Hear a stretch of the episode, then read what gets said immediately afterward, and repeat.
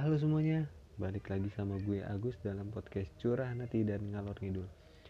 Nah gue mau lanjutin cerita masa-masa sekolah gue. Cuman sebelum masuk ke masa-masa sekolah gue Gue mau cerita tentang tiga episode gue yang sebelumnya.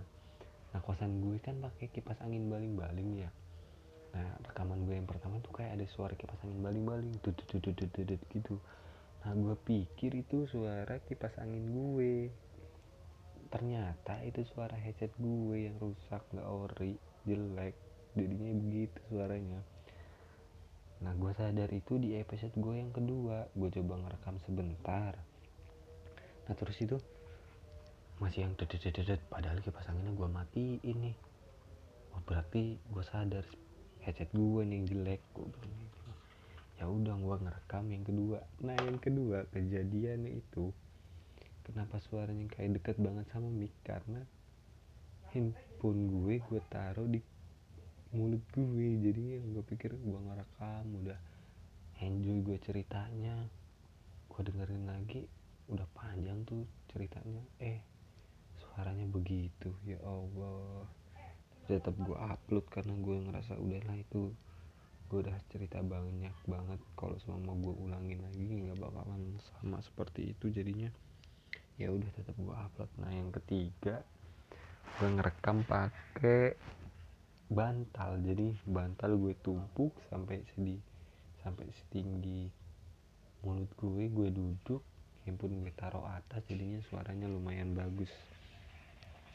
Nah gue mau balik lagi nih ke cerita gue yang tentang masa SMA gue kan itu terakhir di SMA ya.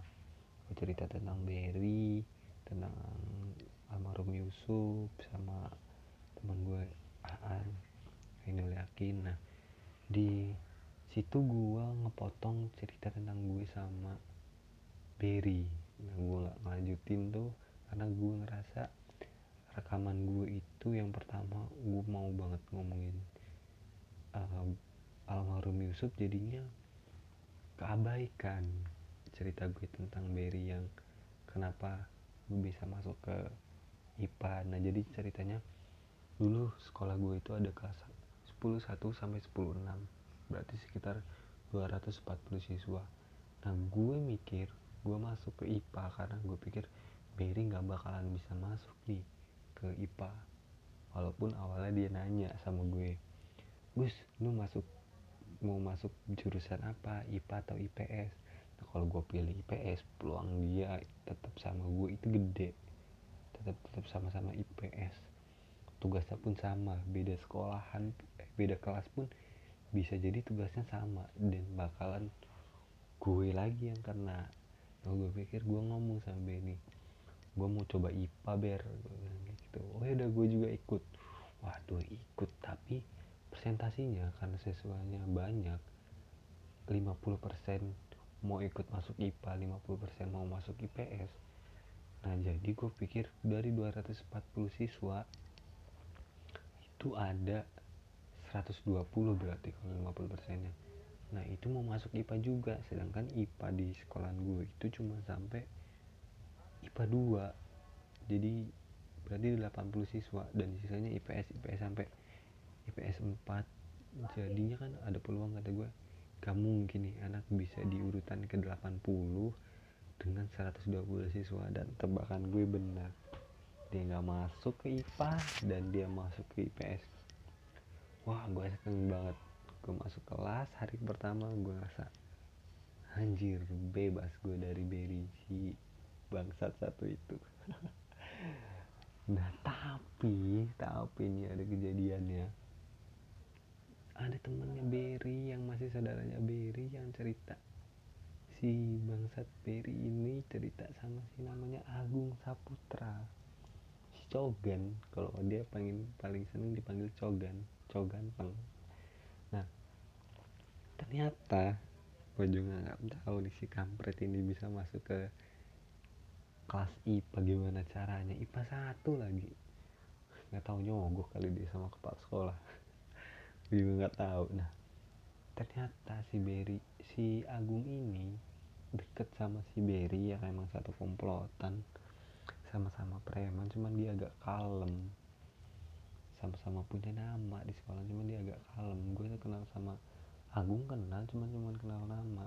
Karena dia di 10 satu gue di 10 dua. Kelasnya sebelahan.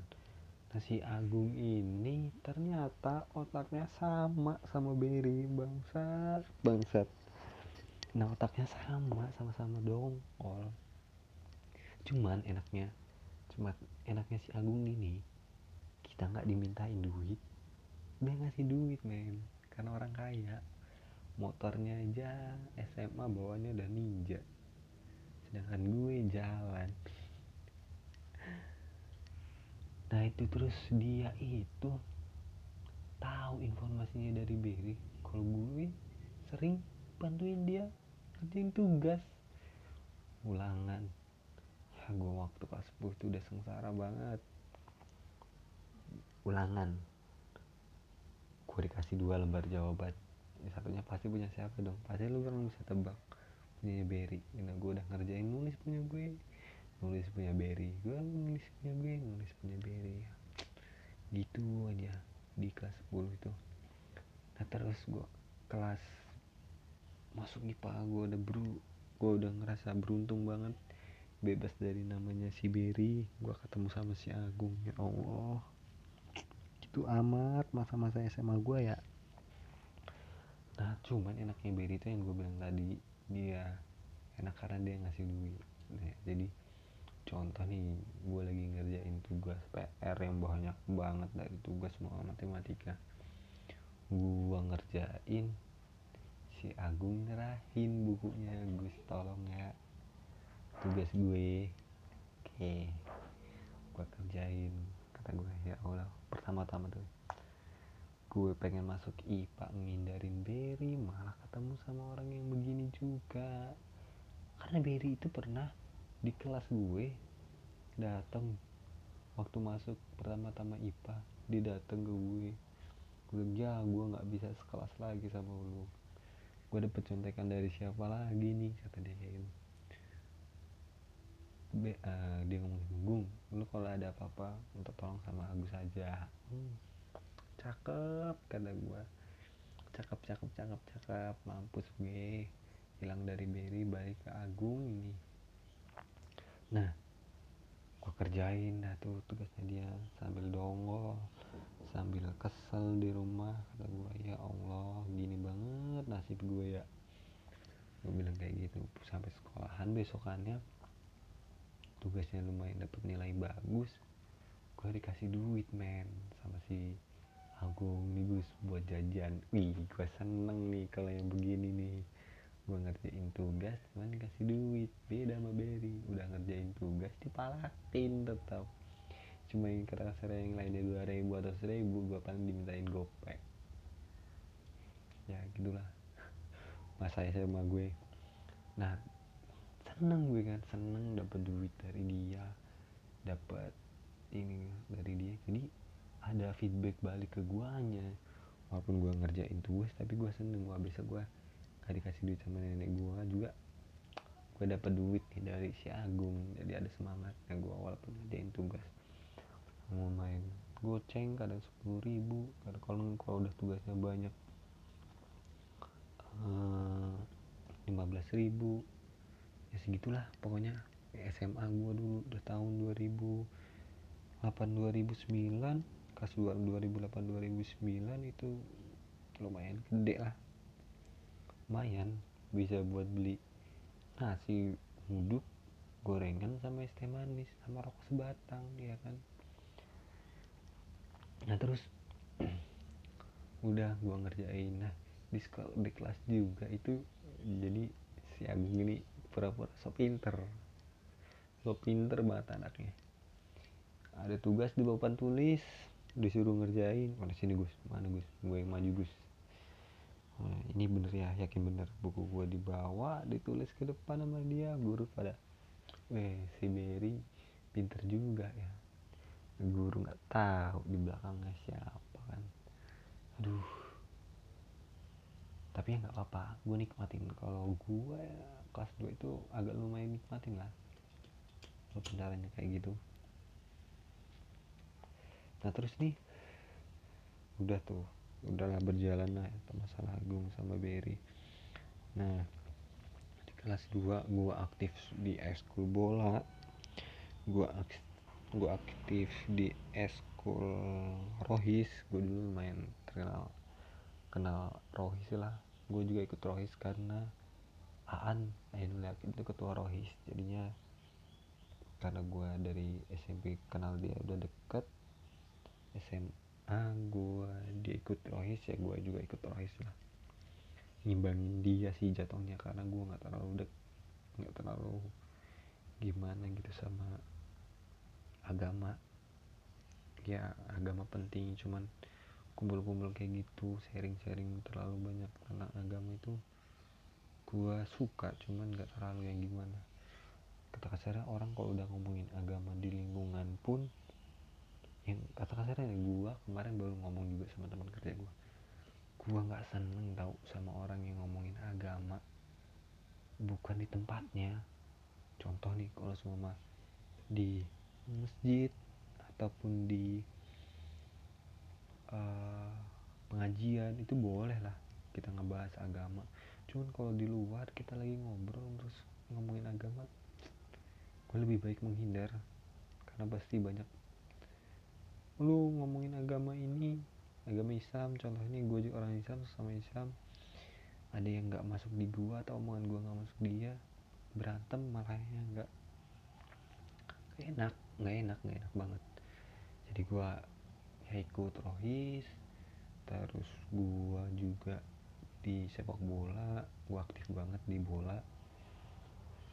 Sampai gua pun selek sama ketua eh bukan ketua bola pembina bolanya pelatih. Karena menurut gue nih gue aktif di sepak bola buat hampir tiap hari eskul itu seminggu hampir tiga kali eskul bola. Eskul bola pelatihnya nggak pernah datang ya anak-anak kayak luntang lantung aja. Main. Kita yang main kita yang wasitin. Terus sampai sore dari jam 4 sore sampai jam 6 mau maghrib baru bubar. Cuman tuh nggak ada nggak ada nggak ada kontribusinya. Dari pelatih itu cuma pelatih itu juga kan dia ngajar di sekolah juga. Jadi jadi kayak guru TU tata usaha kayak perbantu gitulah ngurus-ngurus sekolah. Cuman dia juga kiper dulunya kiper di desa sebelah jadinya dia aktif di bola juga jadi pelatih gue. Cuman gue nggak suka caranya dia datang cuman ngasih absen. Udah ngasih absen dia pergi sorenya balik lagi ngambil absen atau kalau dia di sekolahan kan ketemu diminta absennya gitu-gitu terus. Jadi buat gue dongkol gue nggak pernah datang lagi ke sekolah eh sekolah bola padahal gue dari kelas 1 sampai kelas 2 pertengahan itu aktif banget men. Di bola tuh aktif banget. Sampai gue ikut kompetisi di sekolahan gue ikut. Gue salah satu mewakilin jadi sekolahan gue kemarin gue bilang di podcast gue yang cerita sekolah juga masa sekolah juga yang gue bilang gue tuh ada tim A sama tim B. Tim A itu untuk yang para senior gue tim B itu udah masuk tim utama. Gue ngerasa kecewa di situ. Kok pelatihnya begini banget? Nggak yang ngurusin kita kita nggak ngajarin kita apa apa ya udah akhirnya gue nggak nggak aktif di sekolahan gue jadi aktif di desa gue ikut sepak bola desa cuman karena renggang umurnya jauh dan yang aktif di situ yang sekolah juga yang hebat-hebat doang ya kayak yang senior ya di sekolah gue jadinya gue nggak terlalu yang ah nggak masuk nih. Nggak klop di hati gue pemain-pemainnya. Gue berhenti lagi sampai satu kejadian temen gue di desa sebelah lumayan jauh. Dari desa gue itu perjalanan sekitar 15 menit 20 menit ke desa dia. Jauh kalau di desa itu termasuk jaraknya jauh. Nah dia ngomong gue nggak tahu nih basic-basic di kelas gue awalnya pada pemain bola ada. Teman satu tim gue dia aktif di desa dia dia aktif di desa gue desa dia. Terus gue tahu anak-anaknya. Dan gue di satu sekolah kan gue punya nama-namanya nih.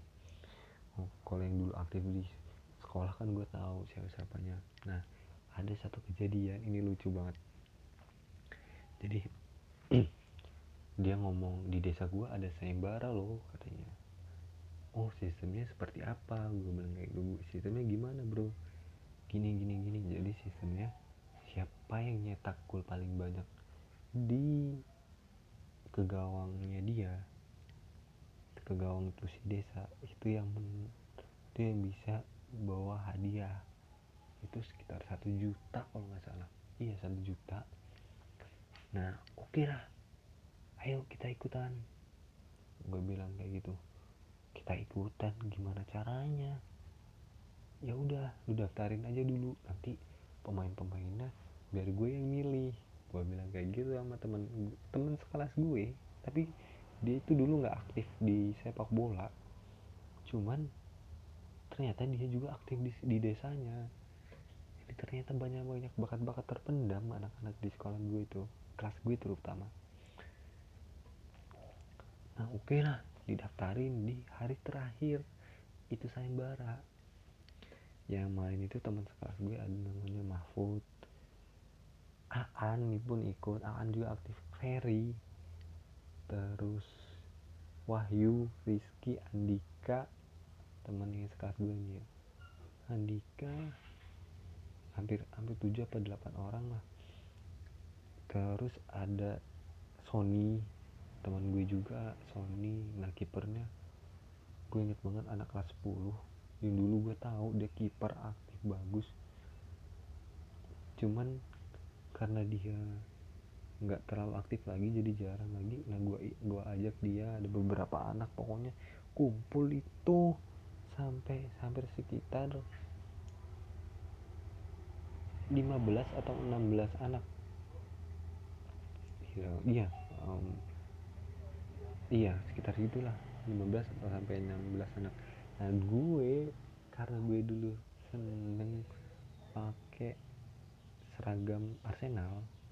Nama tim bola gue gue kasih nama Emirates. Eh belum belum. Itu belum ngasih nama tapi nanti gue ceritain. Nah terus gue mikir dong waduh ini kalau anak-anak main nggak ada seragamnya nggak ada baju bolanya nggak bisa nih. Gue putar otak ternyata di di karena rumah gue ketua RT jadi seragam RT gue dulu ada. Wah ya udah gue pakai seragam itu. Kita bawa berangkat ke sana jam sore main. Dalam otak gue dalam otak gue udahlah kita main. Gimana caranya? Kita ngegulin banyak ke gawang musuh. Kenapa gue punya pikiran kayak gitu? Karena yang di awalnya dia ngomong itu. Yang penting banyak ngegolin ke gawang musuh. Gue tanya sama si temen gue yang di desa itu di sini udah berapa gol empat gol paling banyak. Empat masukin ke gawang. Oke okay lah. Yang pertama gue masukin pemain yang bagus-bagus semua. Yang nggak bagus juga sih. Ya lumayan bagus cuman belum belum sesuai posisinya lah berantakan banget. Sampai si Agung Cogen itu anjing banget orang nggak pernah main. Nggak pernah main bola ikut. Karena denger itu ikut. Main main main main. Pukulin satu dua tiga empat lima di babak pertama. Karena dia orang juga mereka juga itu yang desa itu ngasih pemainnya yang pemain muda-mudanya dulu belum ada yang bagus-bagusnya itu sampai 5 sampai 5 atau 6 gol gitu. Sampai 6 gol. Kita juga kebobolan kita juga kebobolan 3 atau 4 gitu. Pokoknya skornya 6 4 atau 5 3 gitu. Gue lupa. Nah udah tuh gue udah mikir ah kita bisa ngambil nih menang. Karena dalam hitungannya itu cuman empat gol berarti kan gue tim yang terakhir lima gol.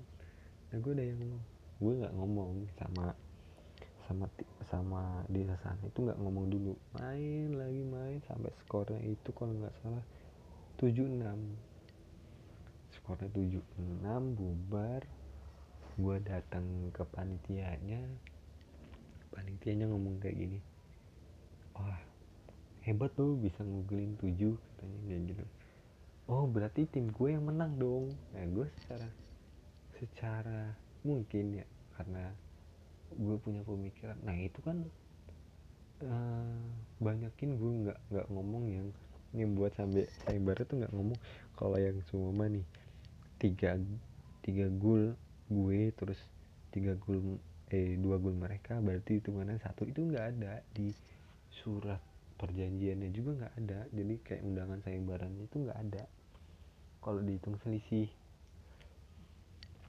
karena otak gue lumayan lah lumayan cerdas di cara berpikirnya.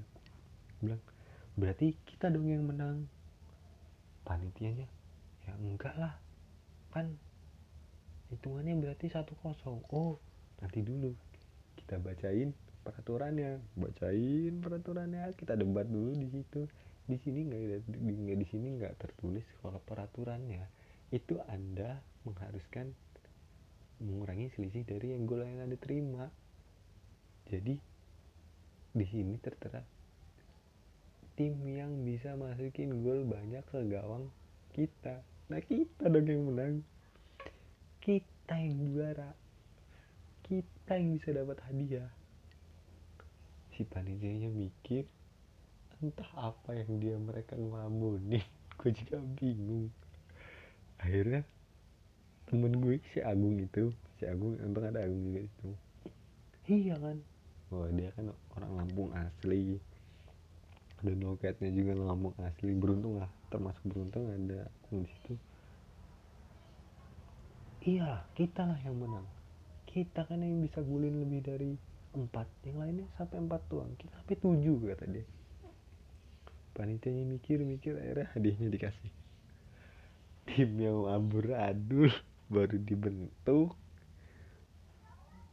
Ya begitu bisa menangin sayembara dengan yang desa-desa yang gue tahu desa di tempat gue yang uh, simpang dewu.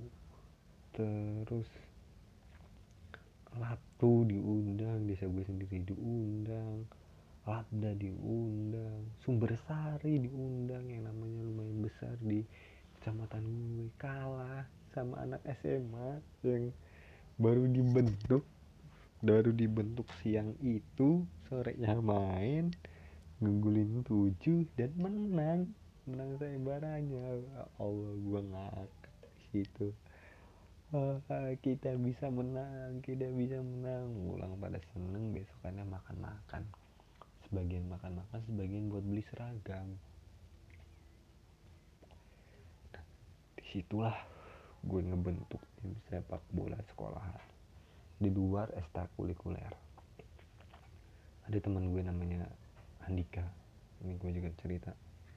Dia punya penyakit paru-paru paru-paru basah mungkin. Iya paru-paru basah. Dia selalu pakai alat itu yang pakai gitu pakai alatnya itu. Kayak alat bantu gitulah. Nah dia selalu pakai itu ke mana-mana. Jadi awal tuh ingat kalau main bola dia main cuman 10 menit oke istirahat 20 menit 15 menit tapi bilang sore-sore makin lama makin lama mainnya. Cuman dia sakit.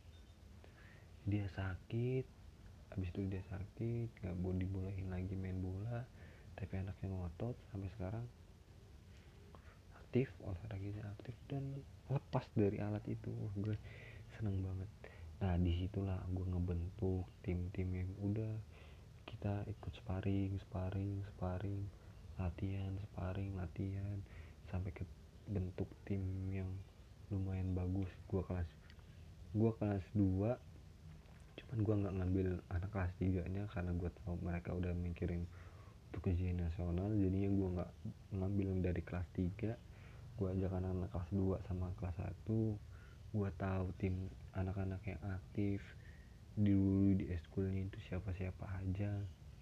Dan gue jarang lah banget latihan. Tapi sekalinya pikiran gue nih ya ngelatih anak-anak itu gak harus dengan salah latihan. Skill mah dia bisa ngelatih di desanya dia masing-masing. Permainan dia bisa ngelatih di desanya masing-masing. Gue cuma tinggal nunjuk anak oh ini aktif di bagus di sini oh ini anak posisinya di sini di sini di sini di sini di sini. Dan gue kebentuk kebentuk anak-anak yang wah aktif banget. Dia orang semangat mainnya. Setiap sparring kita ke mana aja ayo.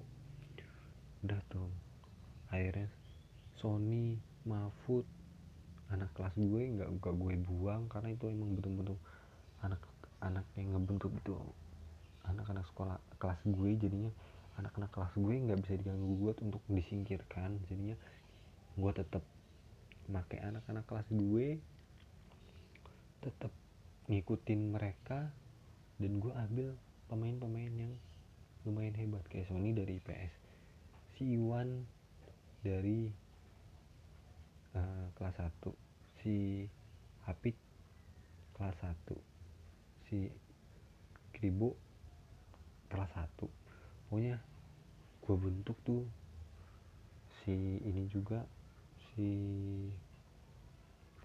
nah, pokoknya ada tuh anak kelas satu juga striker dia. Dia udah terkenal di desanya juga aktif di desanya. Dia satu desa sama Mahfud.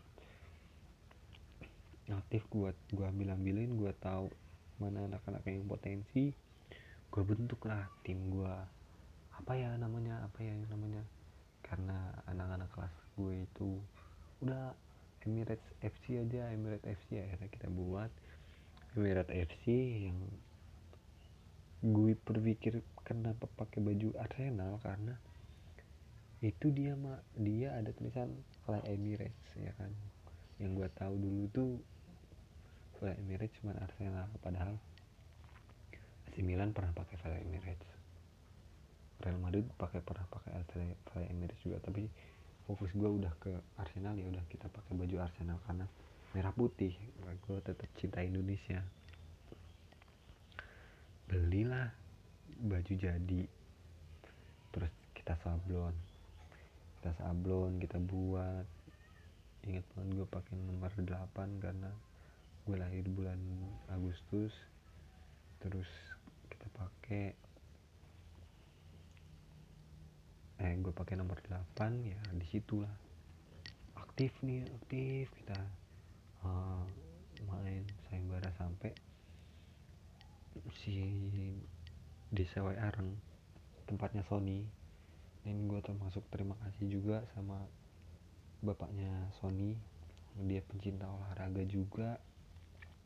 Yang didukung banget sama olahraga sama guru olahraga gue kelas 3 namanya Bu Windy juga terima kasih sama dia karena dia apresiasi gue kepala sekolah. Jadi ceritanya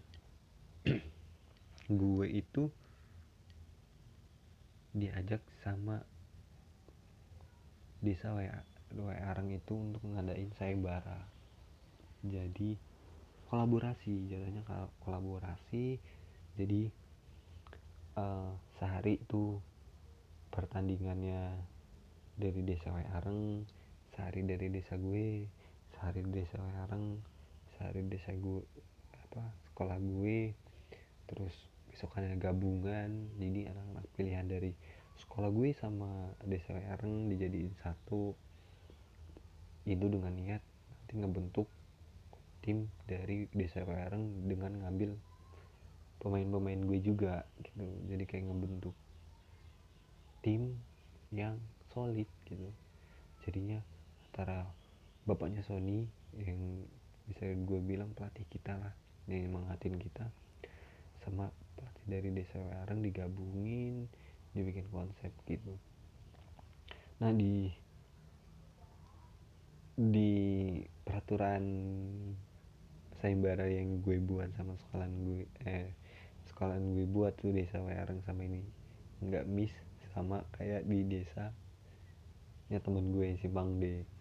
Jadi tetap kita buatnya sayembara yang bisa ngalahin tapi dengan peraturan selisih. Jadi semua kalau dia bisa ngegulin empat kita bisa ngegulin tiga ya berarti selisihnya cuma satu nol. Kalau ada yang bisa ngegulin lima dan empat sama-sama satu gol cuma dia yang menang gitu kan.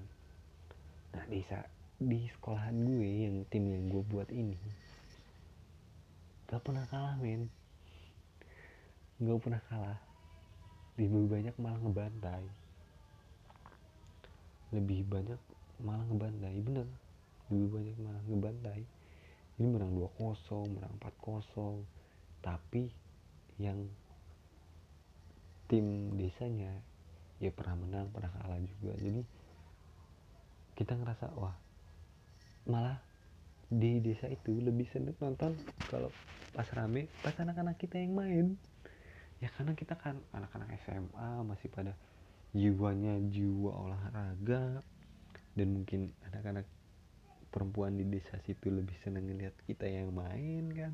Jadi kalau perbandingannya desa sana yang main agak sepi kalau pas anak-anak sekolah yang main rame antusiasnya warga situ malah lebih ke kita. Nah di situ ngebentuk pemain nah yang terakhir. Jadi ada di kecamatan gue Wajibara itu punya tim sepak bola itu yang pemain-pemainnya bagus-bagus semua. Gue akuin gue aja ngefan banget sama pemain-pemain mereka.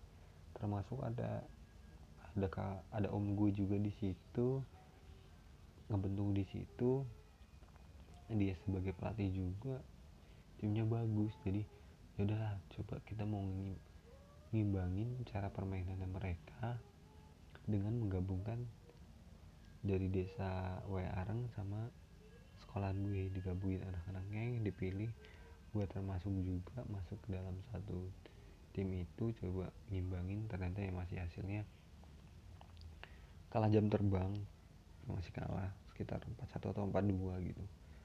Tapi bisa ngimbangin pokoknya ada dulu di, di desa gue itu eh di kecamatan gue sampai seleksinya juga gede-gedean kok. Seleksinya gede-gedean cuman gue nggak ikut seleksinya karena ada tangan tangan-tangan om gue juga. Gue nggak paling males kalau gue suruh masuk ke apa namanya uh, sepak bola yang ada keluarga gue. Sampai futsal pun om gue di tarik jadi pelatih Aiko dulu terkenal banget karena dulu baru pertama kali ada lapangan futsal di si Jepara ya Sewai Jepara itu. Cuman di situ doang dan mereka buat tim futsal. Seleksinya juga gila-gila kan tapi gue nggak mau ikut karena gue ngerasa ada om gue. Gue nggak mau ikut ikutan gitu. Nah di situ main kalah kalah 42 iya 42 masalah ya diapresiasi sama guru SMA gue juga. Guru olahraga itu dia datang lihat permainan gue dan dia tepuk tangan karena ngeliat permainan kita yang lumayan bagus. Ini kalau seumpama dulu ya impian gue kalau seumpama kita nih gak ada yang kuliah di lu di luar kota gak ada yang kuliah di mana-mana masih pengen gue ngebentuk itu. Emirates itu. Wah. Bisa jadi tim yang solid wah. Ya sekarang sekolah S, anak SMA lawan desa yang tua-tua yang istilahnya jam terbangnya udah lumayan bagus-bagus. Kalah sama anak SMA sampai gue inget desa masih satu desa sama gue cuman beda camat beda beda RW iya beda RW di ujung dia cuma punya punya lapangan sendiri dan itu kita undang. Dibantai. Dibantai 4-0 kalau nggak 5-0 kita bantai. Karena hebat gitu. Anak-anak SMA bisa ngebantai. Gitu gue bangga banget. Dan juga lulus sekolah itu masih aktif gue terus gue kerja. Gue kerja di salah satu koperasi syariah. Namanya BMT kalau di Lampung tuh banyak banget dulu masih zaman zaman gue sekolah di BMT nah gue nggak gue ikut futsal. Nah ternyata tim dari perusahaan gue itu kan banyak cabangnya ya BMT Baskara Lampung Timur itu banyak banget cabangnya. Dan anak-anaknya pada aktif futsal juga. Aktif futsal kita bentuk tim futsal. Wah lumayan lumayan ada nama. Lumayan ada nama. Pertama kompetisi di Aiko. Di Aiko itu kita kita bisa ngalahin dari Simpang Silbawono kecamatan Simpang Silbawono itu anak-anak Danamon kalau nggak salah. Bang Danamon punya tim futsal juga yang wah pertama kita main dibuat minder katanya. Timnya bagus. Banyak banyak pemain-pemain yang wah gila lah. Nah tim gue kalah karena ketemu sama tim yang juara. Nah yang tim juara ini dari pertama main dia pemain jemputan dari Bandar Lampung semua. Jadi kayak mereka tuh udah pernah ikut freestyle-nya futsal terus terus katanya udah ikut prapon futsal juga. Jadi dibayar buat main di kompetisi itu buat ngambil duitnya. Kan gila. Main. Mereka aja beberapa pemainnya sebelum main freestyle men gimana nggak orang pada minder? Ini yang kebiasaan mereka. Buat panas pemainnya dulu. Pemain musuh. Wah pemain musuh tuh dibiarin ngegulin dulu. Satu. Anjing kan. Dibuat ngegulin satu. Dibuat ngebangkitin semangatnya habis itu dijatuhin. Berak anjing. Habis ngumpulin wow dia tepuk tangan dulu main bener. Bel bel bel bel bel bel bel bel bel sembilan satu sepuluh satu. Nah gue ketemu sama tuh tuh tim yang dibentuk tim undangan itu. Dibentuk eh main tapi kita bisa ngimbangin yang lain ke bantai 8 1 9 1 61 nah kita bisa ngimbangin 42 42 awalnya satu tuh temen gua ngegulin. Terus si Oji terus si Bayau kipernya si Erwin terus si Aan tapi bukan Aan yang itu. Bukan Aan temen SMA gue bukan. Namanya Aan itu tim yang aktif banget. Jago putaran juga. Nah dia ngegulin udah tuh dibuat panas. Cuman kita buat panas mereka dia nggak bisa ngegulin juga. Kita bisa ngimbangin. Akhir kejebolan satu sama jebolan nah dua pertama masih dua satu. Udah tuh wah permainannya ada orang udah mulai serius serius terus main kejebolan tuh tiga tiga satu. Nah gue terakhir nge gue ngegulin satu terus udah kalah 4 4 2 nah, di situ. Tapi orang-orang pada wah hebat lu bisa bisa ngimbangin mereka. Udah. Kompetisi itu selesai gua ke Lampung Selatan gua kan karena gue dapet cabang Lampung Selatan gue di Lampung Selatan. Nah di Pangkawati di desa tetangga gue juga itu ada ada lapangan futsal baru juga. Ngadain uh, kompetisi juga. Nah tim gue juga daftar. Tim sekolah gue eh tim kerja gue juga daftar. Main di situ. Main pertama gue nggak ikut. Di hari pertama gue nggak ikut itu 16 16 tim. Di hari pertama gue nggak ikut di hari kedua gue nggak ikut juga kalau nggak salah.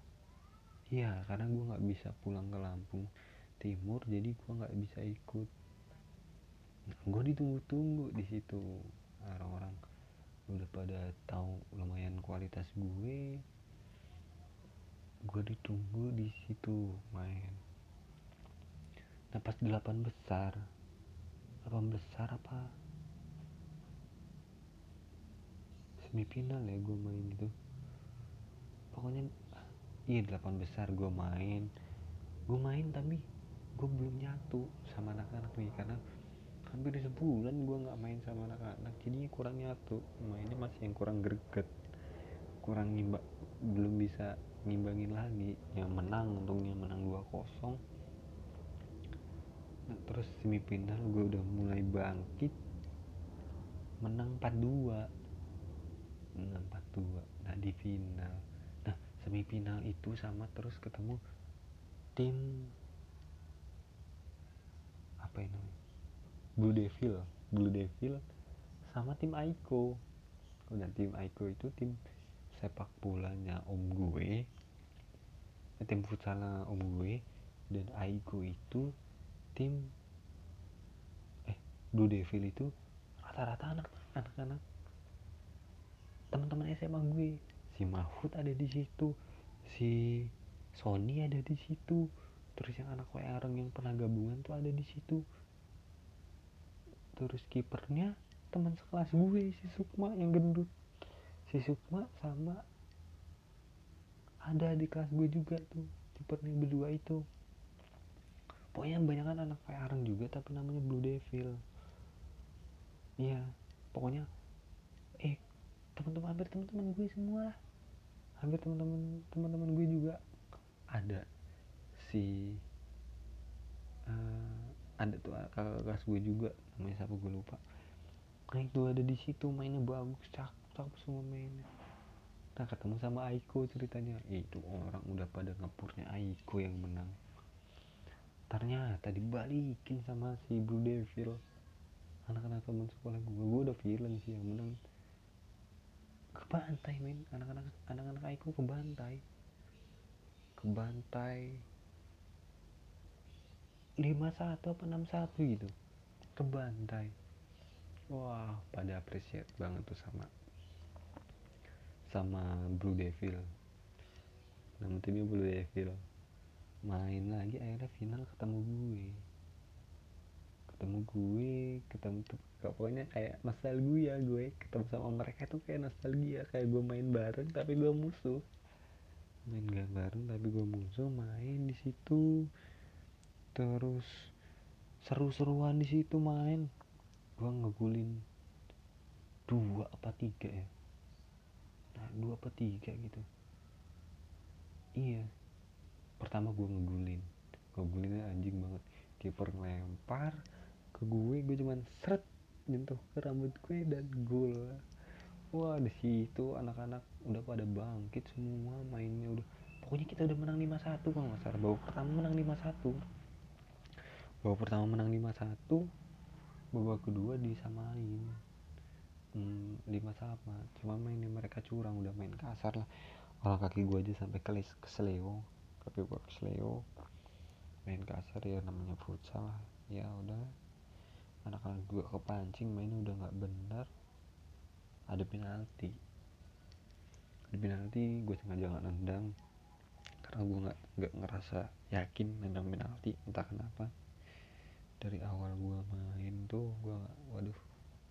Karena gue pernah trauma. Penalti nggak masuk di sekolahan dulu. Penentuan tapi nggak masuk. Jadi gue kayaknya trauma di penalti udah penalti udah, udah, sama skornya dua sama. Terus ada koin. Antara pilih kiper atau nendang. Waduh apa gue yang ngambil? Kata gue kan karena si An udah nendang dia yang nendangannya bagus. Si An udah nendang. Terus di coin toss ternyata gue tim gue dapet nendang. Oh feeling gue ah menang nih kalau dapet tendang nah si Aan pakai gaya-gayaan.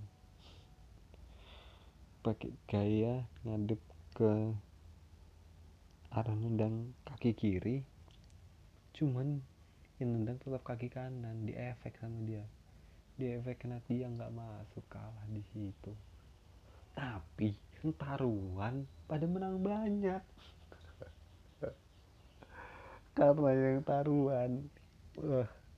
Karena Ai, dari awal nih Aiku dibantai sama Blue Devil. Aiku dibantai sama Blue Devil sampai orang tuh kalah taruhan banyak banget. Yang megang yang megang Aiko jadi dibantai. Dibantai. Dia paling ngepur satu atau dua mungkin musuhnya pada kalah banyak. Nah yang taruhan juga tuh pada megang akhirnya di final yang taruhan. Kebanyakan megang musuh nih yang taruhan. Yang di, dia ngepur tim gue ngepur dua kosong ngepur dua ngepur tiga. Karena yang itu ngerasa Blue Devil bakalan bisa ngalahin gue dengan gampang. Cuma mereka nggak tahu kalau Blue Devil itu anak-anak gue. Gue tahu permainan mereka. Gue ngacak-ngacak permainan mereka. Terus sampai gue ngobrolin dua atau tiga disawer gue disawer. Baru kali itu gue main bola disawer. Iya karena mereka menang taruhan disawer temen gue ngegulin disawer masukin di kos kaki goceng sepuluh ribu sampai seratus ribu dimasukin. Disawer gue. Pulang-pulang gue ditosin sama sama yang taruhan-taruhan. Gue wah hebat lu Gus hebat lu gue seneng cara permainan lu gue wah pada pada ini gue orang pada peduli sama gue gue kesel itu sampai wah ya mainin bener anjing kata pemain gue ini cedera nih kata banyak gitu gituin gue. Seru pokoknya pas final gue udah selesainya emang panas banget permainan itu panas banget. Cuman akhirnya bubar. Eh bubar yang ngerangkul deketan. Sampai yang si Ade temen SMA gue sampai bilang wah anjir gue permainan lu bagus gus gini gini. Banyak temen gue sampai yang nah sebelum main juga kan bapaknya Sony nih. Bapaknya Sony itu uh, timnya timnya Blue Devil itu karena ada si Sony di situ. Nah terus uh, gue pelatihnya gue bukan pelatih karena kakak gue juga banyak kecenderung main di koperasi syariah juga istilahnya dia juga dulu sempat jadi kepala. Cabang juga sempat cuman gue cuman dia belum masuk ke ke apa BMT nya cuman dia dulu juga pernah tapi waktu futsal itu belum masuk ke BMT nah kakak gue kakak gue itu om gue ini yang jadi apa reporter gitu ngomong-ngomong. Kayak uh, Valen gitulah Valen jebret gitu. Nah ditanyain wah gimana nih om om mama namanya Ama Irfan. Dia emang di desa gue terkenal lah. Dia pelatih pelatih pernah bikin SSB sekolah sepak bola. Nah terus karena lah. Pokoknya di dunia olahraga dua Jepara itu lu tanyain sama Irfan pada kenal semua nggak bisa berkata-kata apa-apa. Yang bapaknya Sony nggak bisa ngomong apa-apa. Om gue nggak bisa ngomong apa-apa. Kayak udah kayak pas final semifinal lah termasuk semifinal itu udah kayak yang teman-teman gue semua lingkungan yang gue pernah ngeliat orang-orang yang gue pernah tahu pemain-pemainnya gue pernah kenal. Pada ngumpul di situ wah seru banget final itu. Walaupun gue nggak ngangkat juara Hamdan Hamdan itu nah Hamdan itu di kompetisi pertama yang di Aiku dia nggak nggak main. Di kompetisi kedua dia main. Nah dia gue beli sepatu. Main mahal lah. 300 apa 250 ribu. 2011 itu harganya masih segitu. Dia pakai sepatu gue gue bilang. Dan lu bisa juarain kompetisi ini sepatu futsalnya buat lo bener bang. Bagus lu ini bang sepatunya. Nggak apa-apa buat lo nah kita bisa ngimbangin pun gue tetap kasihin. Karena kita tetap dapat juara. Dan dapat apresiasi dari kantor. Kita dikasih amplop. Gua kira tebel duitnya banyak ternyata 200 atau 300 ribu. Cuman gocengan semua. Ah udah panjang nih gua cerita. Sekitar udah wow 50 menit. Gak apa-apa lah. Gue cuma pengen cerita di podcast ini. Gue mau ngeluarin semua unek-unek gue. Gue pengen ngomong semua yang gue ceritain. Pengen gue ceritain gue ceritain. Biar lega kalau kata bang Gila bang Gilbas biar lega. Kalau gak selalu ngikutin podcastnya. Pilu membiru terakhir episode dia gue ngikutin. Terus podcast terapindo nah gue sayang nih sama podcastnya Bang Awe. Nggak dilanjutin nggak tau nggak dilanjutin tau berhenti. Podcastnya Bang Awe nggak diikutin tuh. Podcast minggu sekali. Podcast awal awal minggu punyanya Bang Adrian Kolbi masih gue dengerin sama Raditya Dika iya Raditya juga nggak belum aktif kayaknya karena dia juga lagi tour stand upin tur cerita cintaku. Jadinya dia nggak nggak fokus sama podcastnya kayaknya. Terus gue dengerin podcastnya bang Panji. Nah gue mau masuk ke dunia stand up di tahun 2020 ya nanti dah gue coba open mic. Gue cari lagi cari waktu yang pas sih. Karena gue libur minggu open mic tuh jarang yang hari minggu. Gue pengen gitu ada. Ya Allah. Ada kayak gitu kayak. Uh, yang merubah jadwal open mic di hari minggu ataupun iya minggu lah. Minggu malam senin gitu biar gue bisa ikut open mic. Gue bingung. Gue ngeliat jadwal jadwal stand up Indo Bekasi itu uh, Kamis atau Rabu. Nah setelah setelah Indo Jaksel itu hari Selasa jadinya gue nggak bisa. Udah gue kerja pulang jam 9 masa iya open mic awal awal pembukaannya jam 9 eh jam 8 gue datang jam 9 terus gue ngomong sama sama openernya eh gue masih pengen tanya sih nanti. Gue coba tanya ke uh, eh, IG-nya Stella Mindu sama IG-nya Stella Mindu Bekasi sama ya Stella Mindu Jaksel. Boleh nggak gitu kalau kita datang jam 9 tapi nggak bisa datang jam 9 juga sih gue. Gue pulang jam 9 paling sampai situ sampai open mic jam setengah 10 jam 10 udah mau bubar. Gue nggak enak. Datang gue cuma datang buat open mic terus pulang kan gak enak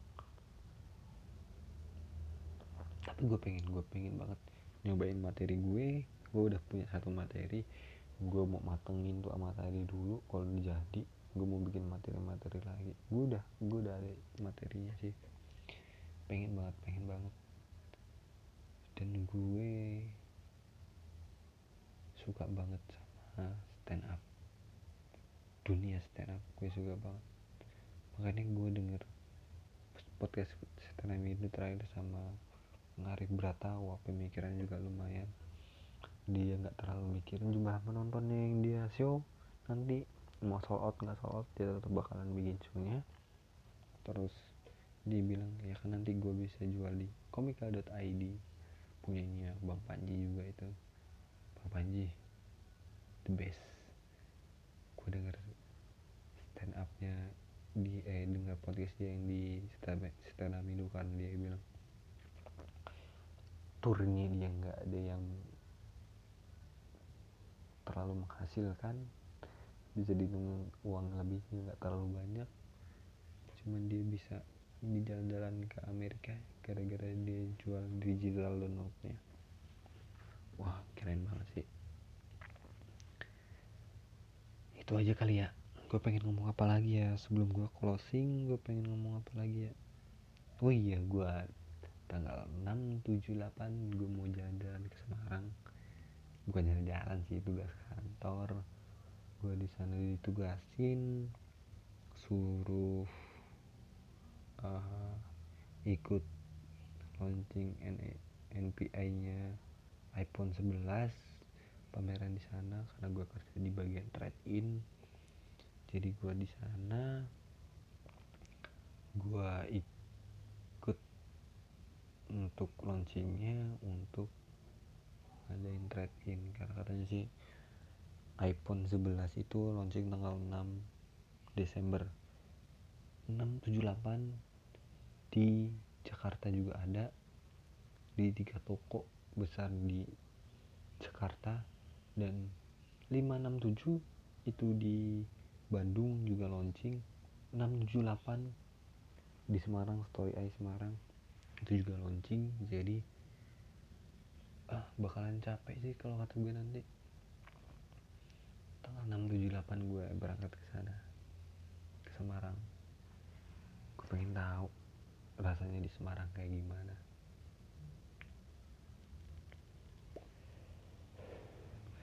Nah buat Bang Gilbas Bang Awe sering banget tuh gue DMin sorry kalau ngeganggu cuman gue cuma emang fan banget sama Bang Gilbas. Karena podcastnya karena stand upnya Bang Awe karena kepemimpinannya Mister Amindu dan dia baik sama anak-anak stand up Bang doa aja sih. Eh aja sih doa ibu. Gue pengen kenal sih. Gue pengen banget masuk ke dunia stand up gue pengen pelajarin tentang karakter-karakter mereka. Bang uus tuh. Gue abis denger gue banyak belajar banget dari bang uus tapi gue bakal masuk ke dunia kalian nanti di 2020 gue masih pengen belajarin dulu. Gue masih pengen cari-cari waktu yang pas biar gue bisa open mic di sono kalau gue sih inceran gue gue kalau nggak setelah Medu Bekasi setelah Medu Jaksel. Kalau timur barat nggak tahu juga. Gue belum tahu open mic nya kapan ya kalau siapa tahu timur sih kalau siapa tahu timur itu open mic ya di hari minggu gue mau deh timur. Nanti kan ketemu bang siapa yang dari timur? Ramet terus si Kobra. Kobra Depok kalau Depok kejauhan gue mau ke sana. Ya udah segitu dulu ya cerita masa-masa sekolah gue bilang ya mungkin seru sih masa SMA eh sebenarnya gue pengen banget punya momen kuliah. Cuman karena gue cuman bisa sampai SMA ya gue cuma bisa sharing itu. Oke terima kasih teman-teman yang udah dengerin. Ya gue bakalan terus buat walaupun nanti nggak ada yang dengerin juga gue bakalan terus buat terus berkarya di sini gue tahu. Mulai aja dulu kalau kata bang Panji. Mulai aja dulu. Uh, apa yang lu pengen apa yang lu harapin. Ya emang awal-awal nanti gak bakalan ada hasilnya tapi nanti ke depannya bakalan ada hasilnya sendiri buat lo. Jadi gue terus dengerin kata-kata itu. Gue terus ikutin apa-apa saran mereka karena inspirasi itu nggak cuma dari orang-orang yang atas. Kadang gue juga kalau lagi cerita sama teman-teman gue dapat inspirasi juga. Jadi ya gue tetap pengen buat nih podcast mau ada yang dengerin gak ada yang dengerin. Mau itu banyak yang ikutin atau nggak ikutin tapi gue tetap pengen ngembangin podcast ini pengen jadiin podcast ini itu bahan curhatan gue. Nanti kalau semua ada yang mau curhat di podcast gue juga boleh. Gue open gue bakal bacain kalau lo mau bikin mau ngirim email di Agus Saifullah Agus Sai F ya full L nya 2 OH 08@gmail.com ya siapa tahu ada yang mau curhat. Ya udah segitu dulu teman-teman semua terima kasih dan selamat hari minggu karena gue ini buatnya hari minggu karena gue libur hari minggu jadi selamat hari minggu selamat beristirahat dan sukses buat kalian semua. Terima kasih teman-teman. Dadah